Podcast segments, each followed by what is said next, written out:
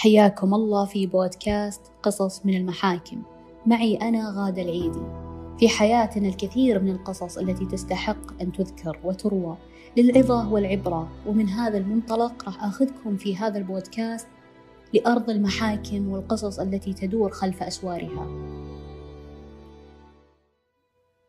قصة قضيتنا اليوم يغلبها الطابع العاطفي لكن في القانون والقضاء.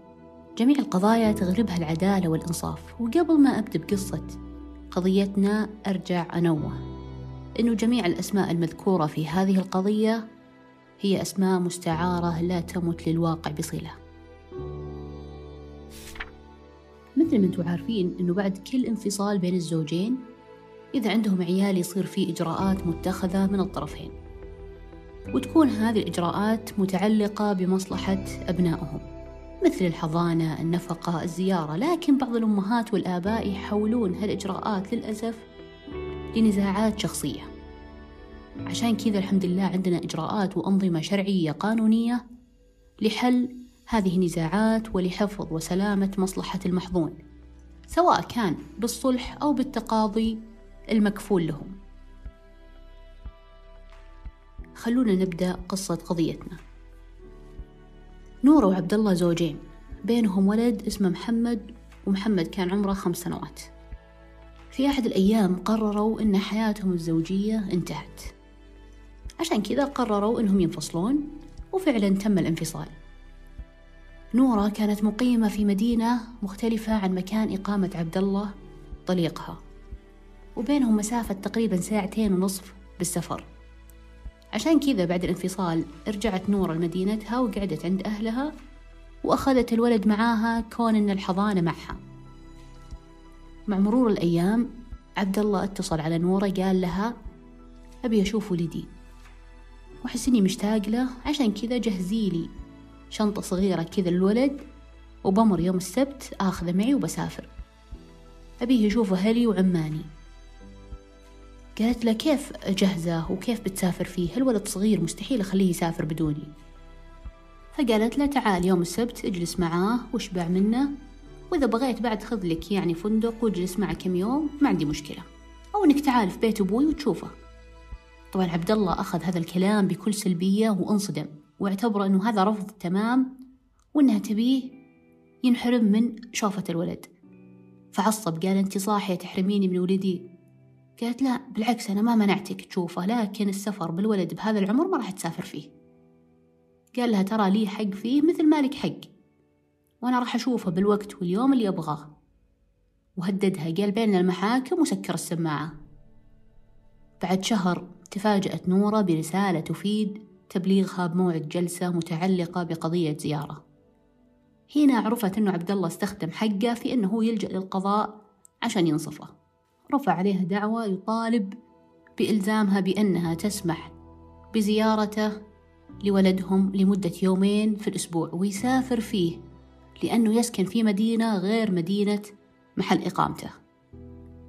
أثناء الجلسة وفي المحكمة وجه القاضي سؤاله لنورة عن ادعاءات عبد الله قال هل صحيح أنك أنت منعتيه من زيارة ابنه؟ قالت له يا شيخ أنا سامحت له يزور ولده وهذا حقه.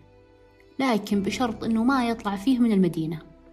لأنه صغير ومستحيل أنه يقدر يدبر أموره بدون أمه بهالعمر. والسفر مشقة على الكبير قبل الصغير. طبعا محمد عمره خمس سنوات ما يعرف مصلحته ولا يفهم ولا يدرك أساسا وش الأصلح يعني والأنسب له.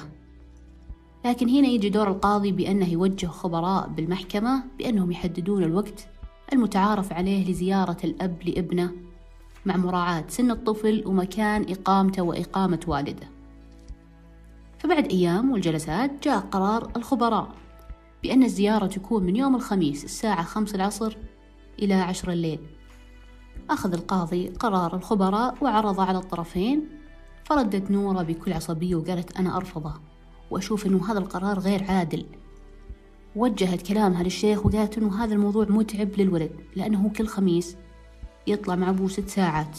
راح يكون بعيد عني ما راح أقدر أهتم فيه ما أقدر أقوم فيه.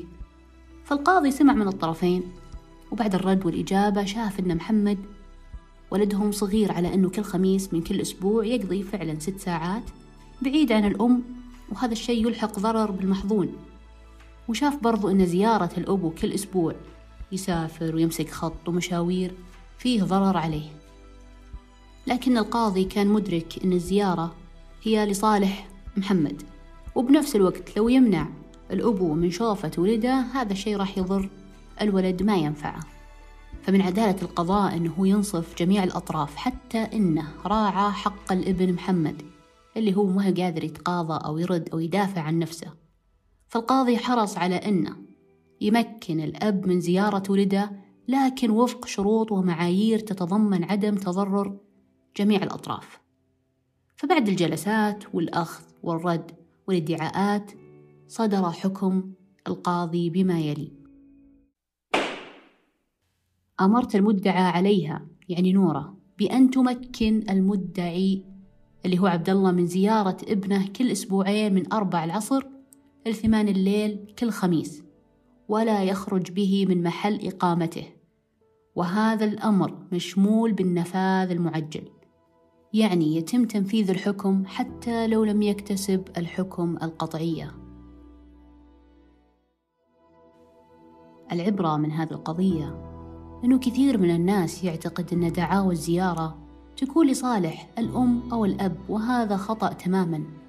الزيارة تكون لصالح المحظون والقاضي في مثل هذه الحالات وهذه الدعاوى يدرس حالة المحظون من وإلى مع الخبراء.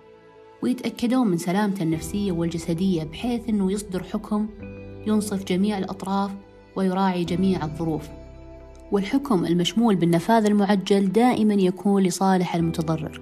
بهالقضية حتى محمد أخذ حقه مع مراعاة الظروف والمعطيات اللي حوله بدون أن يطالب بها.